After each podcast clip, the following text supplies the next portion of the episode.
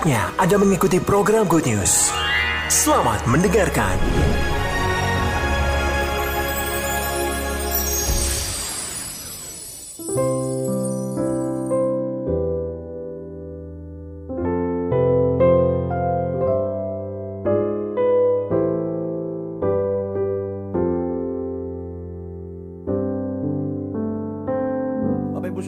Mari kita pada hari ini kita akan membuka dan merenungkan firman Tuhan yang diambil di- dari Kolose pasal yang kedua, ya. Kolose pasal yang kedua, ayat yang keenam.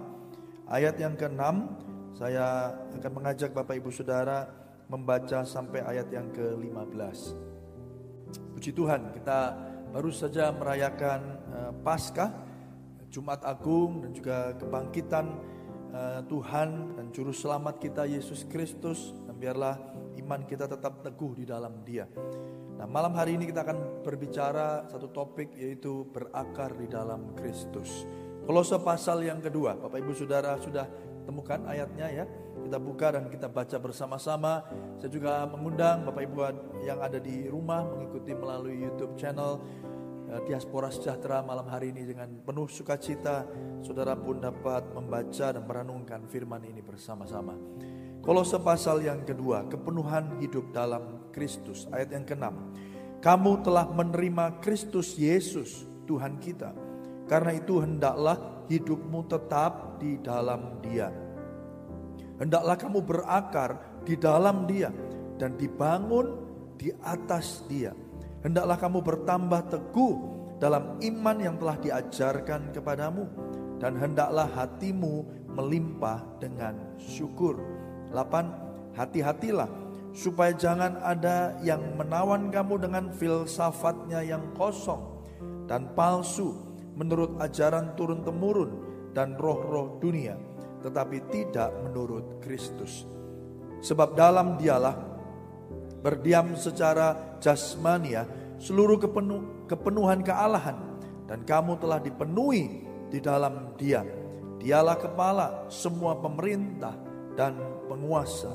Dalam dia kamu telah disunat bukan dengan sunat yang dilakukan oleh manusia tetapi dengan sunat Kristus yang terdiri dari penanggalan akan tubuh yang berdosa.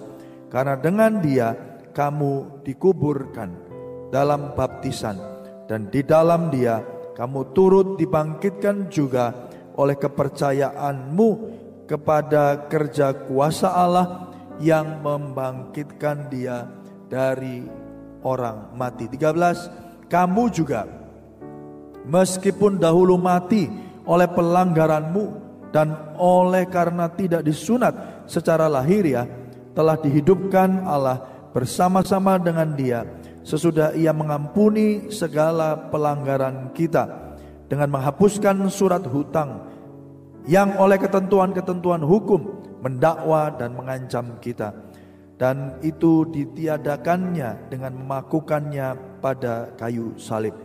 Ia telah melucuti pemerintah-pemerintah dan penguasa-penguasa dan menjadikan mereka tontonan umum dalam kemenangannya atas mereka. Yang percaya katakan amin.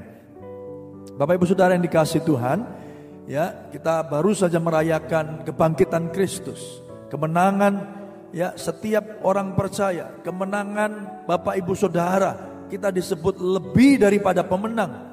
Itu karena apa Bapak Ibu Saudara? Itu tidak tergantung oleh apa yang saudara kerjakan. Tapi tergantung oleh apa yang Kristus telah kerjakan di atas kayu salib. Itulah yang dinamakan lebih daripada pemenang. Kenapa Bapak Ibu Saudara? Seperti Raja Daud mengalahkan Goliat ya. Goliat ya akhirnya tumbang karena berhadapan dengan Daud, Bapak Ibu Saudara, itu menggambarkan, merepresentasikan apa? Ketika itu Daud, Bapak Ibu Saudara melawan Goliat dan Goliat ya orang Filistin yang raksasa yang besar itu ya sebagai satu tanda bahwa orang Filistin begitu kuat. Bagaimana pasukan Israel ada dalam sebuah ketakutan. akan kekalahan yang akan mereka terima ketika mereka harus melawan orang yang begitu gagah perkasa dan akhirnya dikalahkan oleh Daud ketika itu. Apa yang terjadi Bapak Ibu Saudara? Kemenangan Daud waktu itu melawan Goliat diperhitungkan menjadi kemenangan bangsa Israel. Bangsa Israel akhirnya menang atas bangsa Filistin. Kenapa? Karena ada satu tindakan yang namanya anak Daud ini saudara. Anak yang namanya Daud ini saudara. Dan itu menggambarkan apa Bapak Ibu Saudara? Itu menggambarkan ya digenapi dengan sempurna oleh kematian dan kebangkitan Kristus atas maut yang percaya katakan amin Bapak Ibu Saudara. Oleh karena itu Bapak Ibu Saudara ketika Yesus bangkit ya kemenangan Kristus itu menjadi atau diperhitungkan menjadi kemenangan Bapak Ibu Saudara. Oleh karena itu hari ini ketika saudara dan saya tinggal di dalam Kristus, memiliki iman kepada Kristus Yesus sebagai Tuhan dan Juru Selamat, saudara disebut orang yang lebih daripada pemenang. Mari beri tepuk tangan yang meriah bagi Tuhan kita. Ya, itu yang namanya Bapak Ibu Saudara, kemenangan Tuhan diperhitungkan menjadi kemenangan kita. Nah, lalu apa yang terjadi Bapak Ibu Saudara? Di ayat yang ke-6 disebutkan, ya di dalam kolose pasal yang kedua ini. Kamu telah menerima Kristus, Yesus Tuhan kita. Karena itu hendaklah hidupmu tetap di dalam dia. Nah Bapak Ibu Saudara ini pengingat ya bagi bagi kita semua yang sudah yang sudah diselamatkan oleh inisiatif surga Saudara selamat bukan karena upayamu sendiri, bukan karena kekuatanmu sendiri, bukan karena praktek agamawimu, Bapak Ibu Saudara kita diselamatkan, tetapi kita diselamatkan oleh inisiatif Allah. Kita diberi kemenangan. Oleh karena itu, Bapak Ibu Saudara, apa yang kita harus responi? Ya, Rasul Paulus mengingatkan di uh, jemaat di Kolose, tinggallah hidup di dalam Dia. Sama-sama katakan hidup di dalam Dia. Amin. Hidup di dalam dia artinya apa? Hidup di dalam anugerahnya. Hidup di dalam kasihnya. Hidup di dalam karya penebusannya. Saya selalu berkata Bapak Ibu Saudara, sentralitas iman Kristen itu terletak di mana? Terletak di kematian dan kebangkitan Kristus. Kalau Kristus tidak di, di, di, uh, mati di atas kayu salib, dan bahkan kalau Kristus tidak dibangkitkan, maka sia-sialah kepercayaan saudara. Saudara, oleh karena itu Bapak Ibu Saudara, kita harus tinggal, kita harus diam, kita harus hidup di dalam kebenaran itu. Apa maksudnya di dalam kebenaran itu? Bahwa hidupmu seharusnya binasa karena dosa. Hari ini kita dibebaskan, kita telah diampuni, kita telah dilayakkan, kita telah dibenarkan, oleh karya salib Kristus Yesus. Mari beri tepuk tangan yang meriah bagi Tuhan kita. Karena apa? Karena ketika kita hidup di luar itu, artinya engkau sedang ber, ber, ber, berkata demikian, Bapak Ibu Saudara, bahwa engkau dapat menyelamatkan dirimu sendiri. Ketika kita tinggal atau tinggal di luar dari kebenaran ini, tinggal dalam kebenar di, di luar tinggal di luar dari kebenaran ini artinya apa? Tinggal di luar Artinya apa Bapak Ibu Saudara? Kita tidak menghidupi kebenaran karya salib Kristus. Kita tidak ingat lagi. Kita tidak menjadikannya sentralitas iman Bapak Ibu Saudara. Lalu saudara berpikir ya sekarang saatnya saya hidup sendiri. Saya berusaha sendiri. Bapak Ibu Saudara dikasih Tuhan. Injil Kristus Yesus tidak hanya menyelamatkan saudara dari kebinasaan dosa yang kekal itu Bapak Ibu Saudara. Tetapi Injil yang sama yang sekarang Bapak Ibu Saudara hidupi akan memampukan saudara untuk bertumbuh. Yang percaya katakan amin. Ya, yang jadi yang pertama kita tahu, yes, kita selamat karena Injil. Injil itu apa? Berita baik. Tentang apa berita baik? Bahwa Yesus mati bagi dosa-dosaku. Itu Injil. Tapi di saat yang sama kita tidak cuma diselamatkan, tapi kita tinggal di dalam kasihnya, tinggal di dalam kasih karunia-Nya, tinggal di dalam kebenaran Allah. Artinya apa? Tinggal di dalam kasih Allah bahwa ya, aku ini adalah orang-orang yang sudah ditebus. Saudara, berikutnya Bapak Ibu Saudara, kita perlu tinggal di dalam dia. Dan bahkan ayat yang ketujuh dikatakan, hendaklah kamu berakar di dalam dia. Kenapa? Karena selanjutnya yang perlu saudara kerjakan atau saudara perlu lakukan atau saudara perlu alami adalah apa? Bukan hanya engkau diselamatkan, tetapi Bapak Ibu Saudara, engkau hari ini bertumbuh. Yang percaya katakan amin. Jadi proses kekristenan itu Bapak Ibu sudah terjadi ketika kita percaya, mengaku dengan mulut, percaya dengan hati, menerima Yesus Kristus sebagai Tuhan dan Juru Selamat. Hanya melalui anugerahnya ya dan melalui iman kita kita tidak hanya diselamatkan Bapak Ibu Saudara, tapi ketika kita tinggal di dalam Dia, tinggal di dalam kebenaran ini, kebenaran Injil itu Bapak Ibu Saudara, tinggal di dalam karya salib Kristus, maka Bapak Ibu Saudara apa yang terjadi? Engkau bertumbuh. Kita bertumbuh di dalam pengenalan akan Dia. Kita tidak hanya dibenarkan, tetapi selanjutnya. Jadi setelah diselamatkan, Bapak Ibu Saudara, ya kita dibenarkan itu proses keselamatan ya karena proses keselamatan itu artinya dulu saudara tidak selamat sekarang selamat tapi selanjutnya apa Bapak Ibu Saudara? Kita dikuduskan. Sama-sama katakan dikuduskan. Proses pengudusan ini terjadi seumur hidup. Itu yang saya katakan sempurna belum ya berubah pasti. Dan kepastian perubahan itu akan terjadi ketika kita apa Bapak Ibu Saudara? Kita di situ dikatakan kita berakar di dalam Dia. Saya pernah sampaikan ya Bapak Ibu Saudara bahwa ketinggian pertumbuhan kita itu ditentukan seberapa dalam kau berakar di dalam Kristus. Percaya katakan amin. Kekuatan pertumbuhan sebuah pohon itu akan ditentukan seberapa kuat, seberapa dalam dia berakar dan bergantung kepada Tuhan. Makanya firman Tuhan Yeremia dikatakan berbahagialah orang yang mengandalkan Tuhan. Ia seperti pohon yang ditanam di mana? Tepi aliran air yang merambatkan akar-akarnya. Karena dari akar yang merambat dan menemukan air itulah nutrisi kehidupan itu memampukan kita untuk terus bertumbuh dan berbuah bagi Kristus. Yang percaya katakan amin. Dan Bapak Ibu Saudara, ini terjadi sebagai apa? sebagai buah, sebagai bukti bahwa Bapak Ibu Saudara telah diselamatkan oleh kasih Kristus yang sejati. Ayo beri tepuk tangan yang meriah bagi Tuhan kita. Ini sebagai bukti. Kalau saudara sungguh-sungguh sudah ada di dalam Kristus. Ini buahnya, ini buktinya. Ada perubahan. Itu yang disebut dilahirkan kembali. Natur kita tidak lagi di dalam dosa, kita tinggal di dalam Dia. Oleh karena itu Bapak Ibu Saudara, di sana dikatakan dan dibangun di atas Dia. Artinya apa? Kita ini seperti work in progress. Ya, Bapak Ibu Saudara kalau Saudara jalan di jalanan ya sering kali kita melihat dalam sedang dalam perbaikan, betul ya? Mohon maaf perjalanan Anda terganggu. Ya, kalau pakai istilah bahasa Inggris dikatakan work in progress. Lalu ada biasanya ada pagernya begitu. Kita harus yang yang tadinya dua arah atau tadinya dua lajur sekarang jadi satu lajur. Kenapa? Karena jalannya yang bolong sedang diaspal. Kurang lebih begitu ya. Nah Bapak Ibu Saudara di dalam Kristus kita ini work in progress.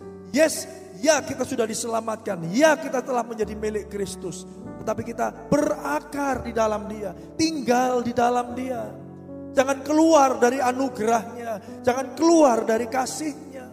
Makanya Yohanes 15 dikatakan, karena di luar aku engkau tidak dapat apa? Berbuat apa-apa. Ini masuk akal ketika saudara mengerti kebenaran ini Bapak, Bapak Ibu Saudara. Bahwa engkau yang tadinya bukan umat pilihan Allah. Engkau yang tadinya dari ranting yang asing dipotong dan dicangkokkan. Amin, Bapak Ibu Saudara. Ini terjadi karena karya salib Kristus. Artinya kalau dicangkokkan itu Bapak Ibu Saudara, engkau hari ini memiliki sumber hidup yang baru. Dulu buahnya atau pohonnya ya dari pohon yang dulu engkau dipotong, rantingnya dan oleh karena Kristus engkau dicangkokkan kepada pokok anggur yang benar, maka Bapak Ibu Saudara yang terjadi apa? Bapak Ibu Saudara, nutrisi-nutrisinya bukan nutrisi pohon yang lama. Amin Bapak Ibu Saudara, tapi dari pohon yang barulah engkau akan mendapatkan nutrisi dan itulah ah, yang akan terjadi ketika kita berakar di dalam Dia dan dibangun di atas Dia. Hendaklah kamu bertambah teguh dalam iman yang telah diajarkan kepadamu dan hendaklah hatimu melimpah dengan apa? Syukur. Kalau dua hal ini terjadi Bapak Ibu Saudara, otomatis kita akan sadar, oh haleluya. Terima kasih Tuhan. Hari ini aku tidak mati. Walaupun ranting yang tadi dipotong itu Bapak Ibu Saudara. Hari ini aku dicangkokkan pada pokok anggur yang benar. Aku harusnya ranting yang dibuang dan dibakar orang. Tapi hari ini aku hidup. Karena apa? Karena aku dicangkokkan. Karena aku diselamatkan dan tidak cuma itu Bapak Ibu Saudara, engkau berakar kuat, bertumbuh di dalam dia. Jadi proses pertumbuhannya terjadi. Di situlah harusnya hati kita meluap limpah dengan syukur. Percaya katakan amin. Jadi bersyukur itu Bapak Ibu Saudara. Bukan hanya ketika sakitmu disembuhkan. Bukan hanya ketika utangmu tiba-tiba ada yang melunasi Bukan ada bukan ketika engkau mengalami mujizat yang ada di dunia ini saja. Karena apa? Sesungguhnya mujizat yang terbesar sudah terjadi di dalam hidupmu. Bahwa engkau yang tadinya mati karena dosa dan pelanggaran kita hari ini kita telah dihidupkan oleh karya salib Kristus. Itulah mujizat yang terbesar di dalam kehidupan orang-orang percaya. Ayo beri tepuk tangan yang meriah bagi Tuhan kita. Kita tidak nunggu Bapak Ibu Saudara ya sakit jasmani kita ini disembuhkan untuk kita bersyukur. Kenyataan bahwa hari ini engkau bisa berkata, Yesus Tuhan. Itu seharusnya membuat kita limpah dengan ucapan syukur. Itu seperti tadi ranting yang harusnya dibakar dan dibuang, hari ini engkau dicangkokkan. Gak jadi mati tapi hidup. Mungkin hari ini engkau belum berbuah lebat, tapi hari ini bahwa ketika engkau sadar ada di dalam anugerahnya, tinggal di dalam kasih karunia-Nya, engkau melimpah dengan syukur. Nah, oleh karena itu Bapak Ibu Saudara, yang terjadi ayat pasal yang eh, ayat yang ke-11. Dalam Dia kamu telah disunat bukan dengan sunat yang dilakukan oleh manusia, tetapi dengan sunat Kristus yang terdiri dari penanggalan akan tubuh yang berdosa. Yang berikutnya yang terjadi Bapak Ibu Saudara ketika kita sadar kita diselamatkan. Tidak cuma diselamatkan, kita hari ini tinggal di dalam dia, berakar di dalam dia, bertumbuh ya di dalam dia. Kita melimpah dengan ucapan syukur. Kalau kita akhirnya tetap menyadari bahwa kita tetap hidup, tetap diselamatkan. Kita ada proses, kita ada di dalam sebuah proses pengudusan itu. Yang berikutnya yang terjadi Bapak Ibu Saudara, kita sadar bahwa kita sesungguhnya telah disunat. Bukan hanya secara lahiriah. Ini tidak bicara lagi sunat lahiri, lahiriah yang dilakukan oleh orang-orang Yahudi ketika itu. Sudah pada hari yang ke-8 mereka mengalami sunat lahiriah. Yang menandakan mereka disucikan, mereka dikuduskan. Tapi ini bicara tentang sunat hati. Sunat itu bicara tentang penanggalan. Ya diputuskannya hubungan saudara dengan dosa. Ayat 11b tadi dikatakan yang terdiri dari penanggalan akan tubuh yang berdosa. 12. Karena dengan dia kamu dikuburkan dalam baptisan dan di dalam dia kamu turut dibangkitkan juga oleh kepercayaanmu kepada kerja kuasa Allah yang telah membangkitkan dia dari orang mati. Yang percaya katakan apa maksudnya Bapak Ibu Saudara?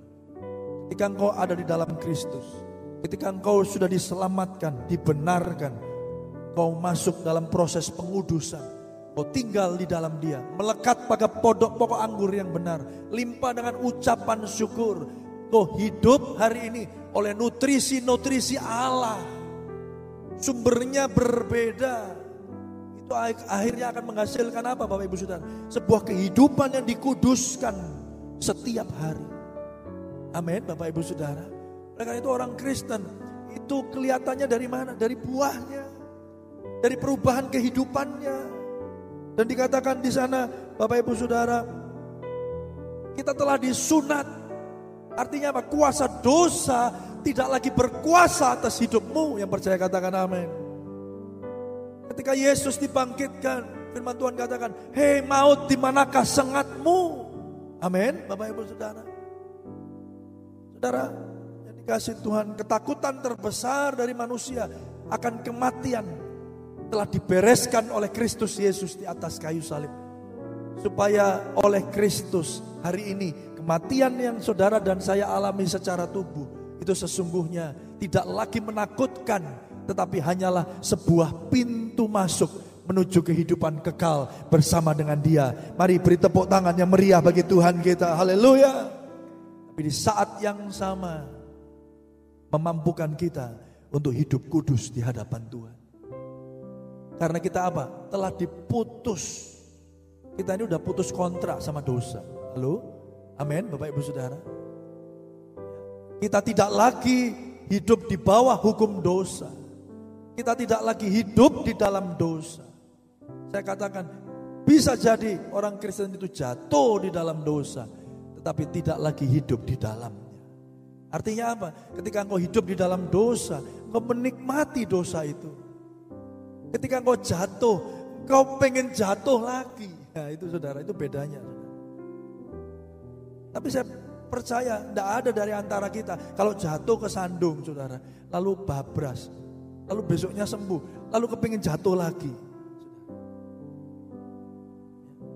Loh kok bisa loh kamu jatuh itu loh. Ya toh? Saya sering kali jatuh saudara. Ini jatuh karena apa? Lomba balap karung sama Pak Sigit saudara. 17-an. Ya, dua tahun lalu ini apa janggut saya ini jatuh ya karena apa? Karena naik sepeda di Solo tahun baru, saudara. Kata istri saya, kamu tuh jatuh doyan atau memang apa sudah nggak seimbang lagi gitu? Kok sering jatuh gitu loh? Dan jatuh mesti akhirnya langsung ke rumah sakit. Ini dioperasi, ini dijahit, saudara. Saudara, tapi kalau kita hidup di dalam Kristus, saya percaya disunat dari perbuatan dosa kita telah dipisahkan, ditanggalkan. Oleh karena itu kita ada di dalam pokok anggur yang benar. Nilai-nilai kita adalah nilai-nilai kerajaan Allah. Oleh karena itu ketika kita tinggal di dalam dia, berakar di dalam dia, maka apa yang saudara dan saya alami adalah apa Bapak Ibu Saudara? Kita berbuahkan ya kita kita ada dalam sebuah proses pengudusan yang pada akhirnya eh, kehidupan kita berbuahkan perbuatan-perbuatan baik yang membuat kita semua menjadi serupa dengan Kristus Yesus Tuhan. Mari beri tepuk tangan yang meriah bagi Tuhan kita. Ya, jadi sekali lagi perbuatan baik itu bukan akar dari keselamatan, tetapi buah dari keselamatan kita. Jadi kalau hari ini saudara melihat orang Kristen itu berbuat baik, bukan karena dia supaya dia atau supaya dia masuk surga, tetapi dia berbuat baik karena apa? Karena dia sudah menjadi warga kerajaan surga. Ayo beri tepuk tangan yang meriah bagi Tuhan kita. Amin. Cara hidupmu berbeda, cara pikirmu berbeda. Makanya di situ dikatakan, Bapak hati-hatilah supaya jangan ada yang menawan kamu. Ayat yang ke-8 ya dengan filsafatnya yang kosong dan palsu menurut ajaran turun temurun dan roh-roh dunia tetapi tidak menurut Kristus. Amin, Saudara. Jadi perbuatan baik kita bukan supaya Saudara selamat, tetapi perbuatan baik Saudara mencerminkan bahwa Saudara sudah selamat. Itu dua hal yang berbeda. Benar nggak Bapak Ibu Saudara? Beda Bapak Ibu Saudara. Kita sudah diselamatkan. Kita tinggal di dalam Kristus. Nutrisi sorga yang ada di dalam hidup kita. Kita berbuahkan keadilan, kita berbuahkan kasih. Saudara yang dikasih Tuhan, kita dimampukan untuk dapat mengendalikan diri. Kita menjadi orang-orang yang rendah hati, mengasihi orang lain, saudara dan seterusnya. Saudara yang dikasih Tuhan oleh karena itu Bapak Ibu Saudara sadari ini bahwa ketika engkau ada di dalam Kristus, kau telah dipisahkan dari dosa. Kau bisa mungkin jatuh di dalam dosa karena kita masih ada di dalam dunia yang fana ini. Ya dunia yang penuh dengan kejahatan dan dosa ini. Saudara, kadang kita bisa jadi mungkin emosi, bisa jadi kita jatuh di dalam dosa. Tapi saya percaya ketika kita berbalik, kita minta ampun, Tuhan yang adil dan penuh kasih akan mengampuni segala dosa dan pelanggaran saudara. Yang percaya katakan amin. Kita tidak lagi doyan berbuat dosa. Kenapa? Bapak Ibu Saudara, karena kita tidak mau menyakiti hati. Karena kita sebagai warga kerajaan sorga, di dalam hidup kita ada nutrisi-nutrisi Allah, ada kekudusan Allah. Semakin kita hidup di dalam dia, semakin kita menjadi serupa dengan Tuhan kita. Setuju katakan amin. Ada beberapa orang berkata bahwa, wih, Bapak Ibu ini sudah menikah berapa tahun? Oh saya sudah ini tahun ke-25. Ada yang sudah menikah ke-50 tahun. Orang bilang begini, beberapa ya, enggak semua, saudara. Tapi dia bilang gini, kok semakin mirip ya? Bener nggak Bapak Ibu? Orang yang kalau hidupnya akrab, karib, Bapak Ibu Saudara. Ada kemiripan. Paling enggak kalau enggak, enggak wajahnya, karakternya. Karakternya. Suami semakin tahu ya karakter istri, istri semakin tahu karakter suami. Makanya kalau sudah menikah lama, enggak banyak omong lagi. Bapaknya cuma gini, hmm, uh, kopi ya hitam tanpa gula. Wah, sudah ngerti. Uh, kalau um, gitu kopi hitam tanpa gula. Kalau emnya dua kali, wah, ini es teh. Bisa ya saudara. Kenapa? Karena hidup sudah cukup lama. Benar nggak Bapak Ibu Saudara? Oleh karena itu hari ini Bapak Ibu Saudara, kita telah dimerdekakan, kita telah dibangkitkan. Ya, kita telah menanggalkan tubuh yang berdosa. Oleh karena itu Bapak Ibu Saudara, ayat yang ke-13, kamu juga meskipun kamu dahulu mati oleh pelanggaranmu dan oleh karena tidak disunat secara lahiriah telah dihidupkan Allah bersama-sama dengan Dia sesudah Ia mengampuni segala pelanggaran kita dengan menghapuskan surat hutang yang oleh ketentuan hukum mendakwa dan mengancam kita dan itu ditiadakannya dengan memakukannya pada kayu Hutang saudara, dosa saudara sudah dipakukan Yesus di atas kayu salib. You are a free man, a free woman. Kau adalah orang-orang yang merdeka. Merdeka untuk apa saudara? Merdeka dari dosa dan merdeka untuk melakukan kebenaran Allah. Yang percaya katakan amin. Mari beri tepuk tangan yang meriah bagi Tuhan kita. Haleluya. Jangan salah Bapak Ibu Saudara. Oh aku yang merdeka ya. Merdeka, oh berarti aku merdeka berbuat dosa. Tidak. Saudara telah dimerdekakan dari dosa untuk merdeka melakukan kebenaran Allah. Dimampukan Allah untuk menjadi kudus di hadapannya. Oleh karena itu ayat terakhir kita lihat 15. Ia telah melucuti pemerintah-pemerintah dan penguasa-penguasa menjadikan mereka tontonan umum dalam kemenangannya atas mereka. Oleh karena itu Bapak Ibu Saudara, Saudara dikatakan lebih daripada pemenang. Karena apa? Karena Kristus telah menang atas maut dan kemenangan Kristus diperhitungkan menjadi kemenangan saudara. Ayo beri tepuk tangan yang meriah bagi Tuhan kita. Oleh karena itu apa Bapak Ibu Saudara? Mari kita berakar di dalam. Mari kita terus berjalan. Kita setia, kita taat. Saudara orang yang tinggal di dalam Kristus berakar di dalam kebenaran Injil, maka buahnya akan kelihatan. Dia akan menunjukkan ya karakter-karakter Allah. Oleh karena itu Bapak Ibu Saudara, kemenangan Allah telah diperhitungkan menjadi kemenangan kita. Mari kita tetap berakar di dalam Dia, hidup dibangun di atas Dia, dan hendaklah kita bertambah teguh dalam iman yang diajarkan kepada saudara dan saya.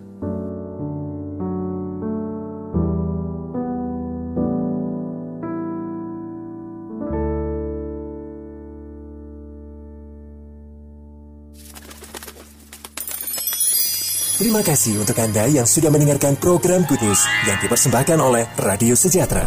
Untuk Anda yang rindu mendapatkan layanan konseling dan dukungan doa, silakan menghubungi hotline 0812 33 33 6392. Para konselor dan para pendoa Diaspora Sejahtera Caring Ministry siap untuk melayani Anda.